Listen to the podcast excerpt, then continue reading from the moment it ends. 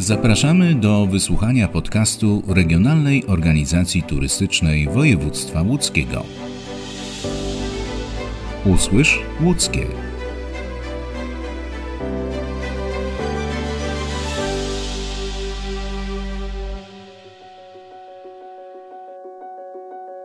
Jedziemy do miejsca położonego 45 km od Łodzi, 100 km od Piotrkowa Trybunalskiego, 90 km od Skierniewic oraz 80 km od Sieradza. Docieramy do zrekonstruowanego w ostatnim czasie średniowiecznego grodziska. Bez wątpienia jednej z najciekawszych atrakcji województwa łódzkiego.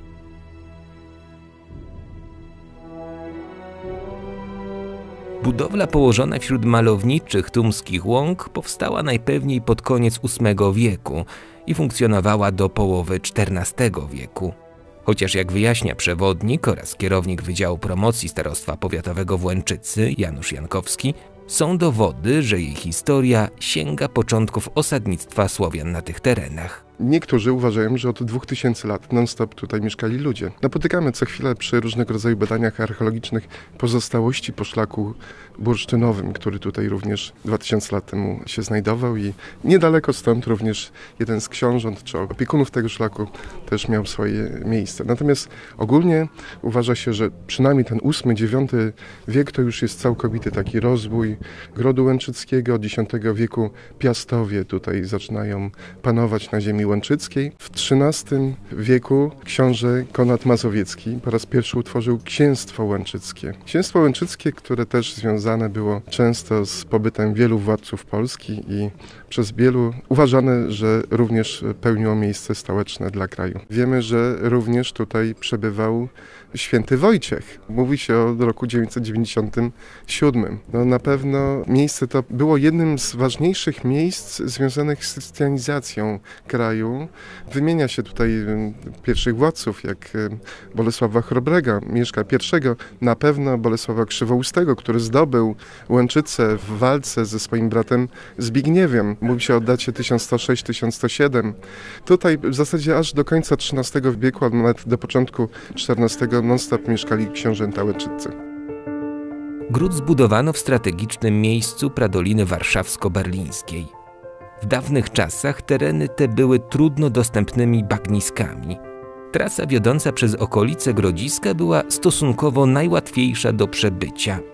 Stąd właśnie tu krzyżowały się szlaki handlowe, a budowla wraz ze zbrojną załogą była w stanie je kontrolować. Było to miejsce bardzo ważne strategicznie. Stąd często, mimo że było najeżdżane przez y, i Litwinów, i Tatarów, i Krzyżaków, odbudowywało i cały czas pełniło y, jedną z ważniejszych miejsc w Polsce. No właśnie, jakie funkcje spełniało to miejsce? My jesteśmy w tej chwili w Grodzie, który pełnił funkcję takiego miejsca, można by było nazwać to militarnego, garnizonu, gdzie przebywali tutaj wojowie, gdzie przebywał książę, lub inny władca, który przyjeżdżał, gdzie w zasadzie był to gród zamknięty, ale w momencie najazdu różnego rodzaju takich niepokojów zewnętrznych, tutaj również chowała się ludność. To miejsce było, można powiedzieć, pewnego rodzaju takim ważnym miejscem mieszkalnym dla księcia, który panował na tym obszarze, ale który miał również tą swoją drużynę i tych rzemieślników, którzy na jego potrzeby również tutaj pracowali.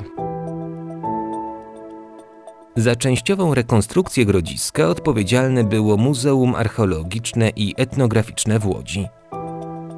A co dokładnie możemy zobaczyć na terenie tego wyjątkowego obiektu?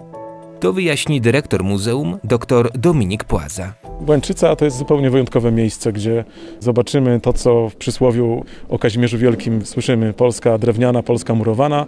Dochodząc do Grodziska, obok przepięknej, monumentalnej, fantastycznej kolegiaty łęczyckiej, dojdziemy do zrekonstruowanego fragmentu wałów Grodziska z bramą.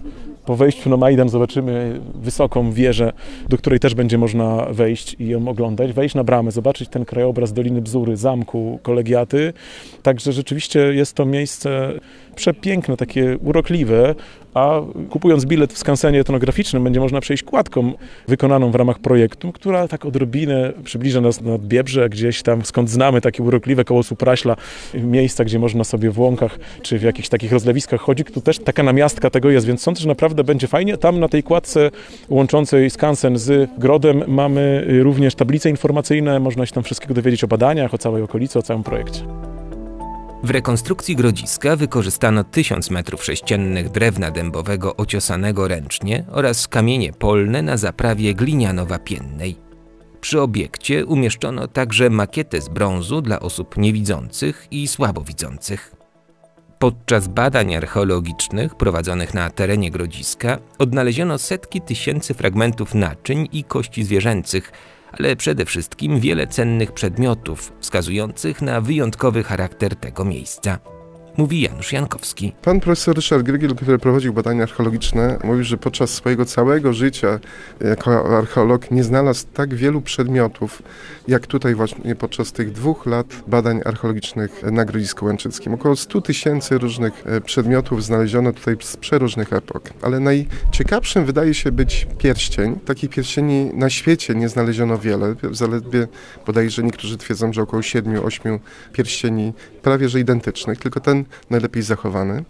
Pierścień z inskrypcją łacińską, tłumaczony na język polski mniej więcej w ten sposób: Obyś żył tak długo szczęśliwie, jak długo żyje Feniks. Bardzo ciekawy, ciekawy pierścień, jedyny taki pierścień znaleziony w Polsce, inne znaleziono w innych miejscach Europy i prawdopodobnie księżna Salomea z Bergu, czyli druga żona Bolesława Krzywoustego, otrzymała ten pierścień od jednego z biskupów niemieckich na znak pewnego rodzaju podęgi chrześcijaństwa na tym obszarze. Księżna Saloma Asbergu też była pewnego rodzaju bardzo ważną postacią, która łączyła, można powiedzieć, kulturę Europy Wschodniej z kulturą Europy Zachodniej. W Grodzisku w Tumie przy odrobinie szczęścia możemy spotkać też dawnych wojów. I to nie tylko tych słowiańskich, ale na przykład słynnych wikingów. Gród jest bowiem wymarzonym miejscem spotkań pasjonatów historii.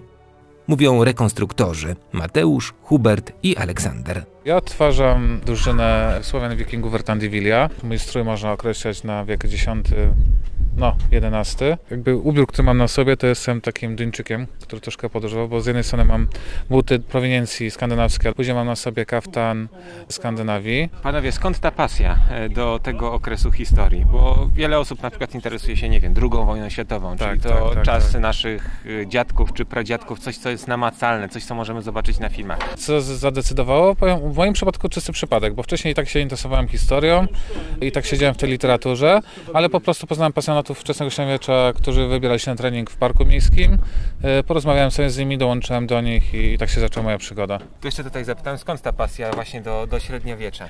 Właściwie to najpierw zainteresowanie właśnie dzięki serialom, najbardziej książkom odnoszącym się właśnie do epoki wczesnego średniowiecza, a następnie odkryłem, że również tej pasji mogę jakby realizować się rzemieślniczo i tworzyć różne rzeczy, aż od drewna po skórę, kamień. To co pan konkretnie robi? I czy robi pan to hobbystycznie, czy też... E, robię to wszystko hobbystycznie. Ostatnio na przykład e, stworzyłem skrzynię na bazie znaleziska e, z mastemyr, e, różne łyżki dłubię, czasem również zdarza się jakąś kuksę.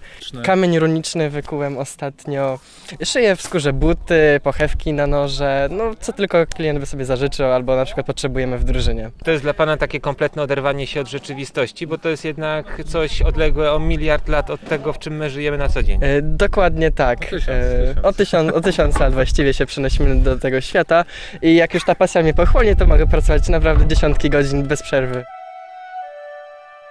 Pochłonąć może też historia Łęczyckiego Grodu. To miejsce po prostu trzeba zobaczyć, mówi Janusz Jankowski. Tutaj nie tylko można się nauczyć historii, w, czytając o niej, ale przede wszystkim doświadczając jej. Można jej dotknąć wręcz właśnie tych miejsc, tego, tych przedmiotów, gdzie w dawnych czasach przybywali tutaj książęta, królowie Polski, gdzie ta historia jest praktycznie na każdym kroku. Nie tylko Grodzisko Łęczyckie, ale przepiękna archeologiata Łęczycka w Tumie, gdzie odbywały się pierwsze ogólnopolskie sejmy, zjazdy. Jeden z nich z 1180 roku namalował Jan Matejko w ramach dzieła w Łęczycy Pierwszy Sejm, który jest jednym z dzieł Matejki cyklu Dzieje cywilizacji w Polsce. Także proszę Państwa, przyjeżdżajcie do Łęczycy, bo tę historię można zapoznać się z nią, można ją zobaczyć, można ją poczuć i można sobie wyobrazić, jak ścieżkami, których my dzisiaj chodzimy, przechodzili dawni rycerze, dawni królowie Polski, dawniej najważniejsze osoby w kraju, które kształtowały dzisiejszą kulturę polską.